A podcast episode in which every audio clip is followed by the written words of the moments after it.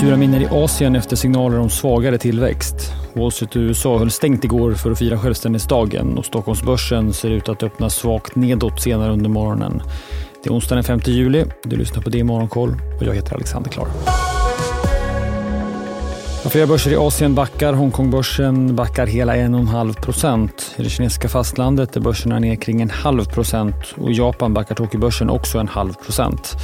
På Tokyobörsen går hm konkurrenten Foss Retailing, bolaget som äger Uniqlo, svagt och backar mest, hela 3% vi har fått svagare konjunktursignaler från framförallt Kina. Landets inköpschefsindex för tjänstesektorn tog ett rejält kliv nedåt för juni. Index sjönk från 57,1 i maj ner till 53,9 i juni, vilket är den lägsta nivån på fem månader. I början på veckan kom kinesiskt industri-PMI in något starkare än väntat och precis över 50-strecket som är skiljelinjen för tillväxt. Och det sammanvägda indexet för industrin och tjänstesektorn sjönk därmed till 52,5 i juni. Vi har också fått japanskt tjänste-PMI som sjönk till 54 från knappt 56 föregående månad. Den kombinerade siffran för Japan noterades till drygt 52 i juni, vilket då är en nedgång från majsiffran. Senare under dagen kommer en ström av PMI-siffror, framförallt från Europa. Svenskt PMI kommer klockan halv nio. Industriutfallet i måndags var ju stigande medan dagens tjänsteutfall väntas utvecklas åt motsatt håll. Tjänstesektorn har mått mycket bättre i mätningarna den senaste tiden men nu väntas den falla till den lägsta nivån sedan början på året. Även europeiska tjänste väntas sjunka för juni. Bättre går det för resande med flyg i Sverige som fortsätter att öka från pandemins bottennivåer. Knappt 3,2 miljoner reste i juni till eller från Swedavias flygplatser i landet. Det är 11 procent fler än i juni i fjol, men fortsatt inte i nivå med vad vi såg 2019, alltså före pandemin.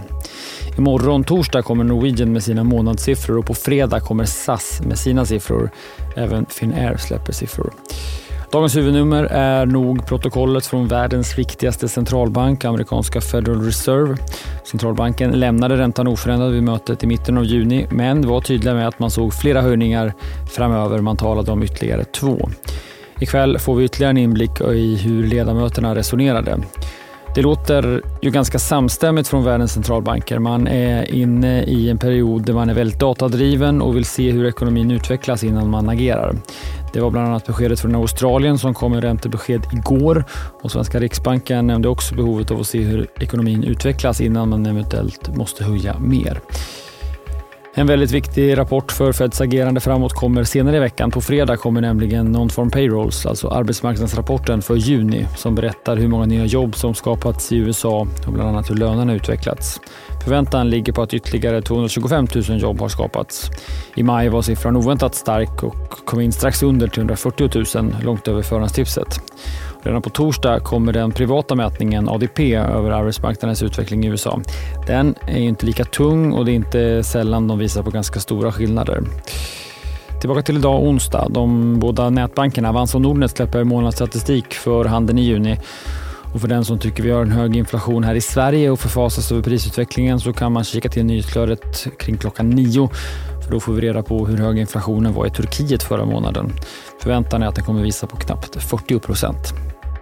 Fler nyheter i DTV under dagen som kör lite färre sändningar så här under sommarveckorna. I slutet av nästa vecka kommer formatet Rapportmorgon tillbaka då flera av de rapporterande bolagen intervjuas i DTV. Mer om det när det närmar sig. Ha nu en bra dag så hörs vi igen imorgon. Jag heter Alexander Klar.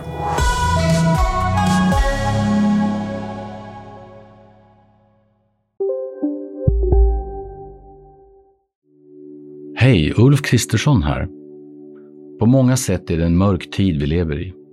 Men nu tar vi ett stort steg för att göra Sverige till en tryggare och säkrare plats. Sverige är nu medlem i Nato. En för alla, alla för en.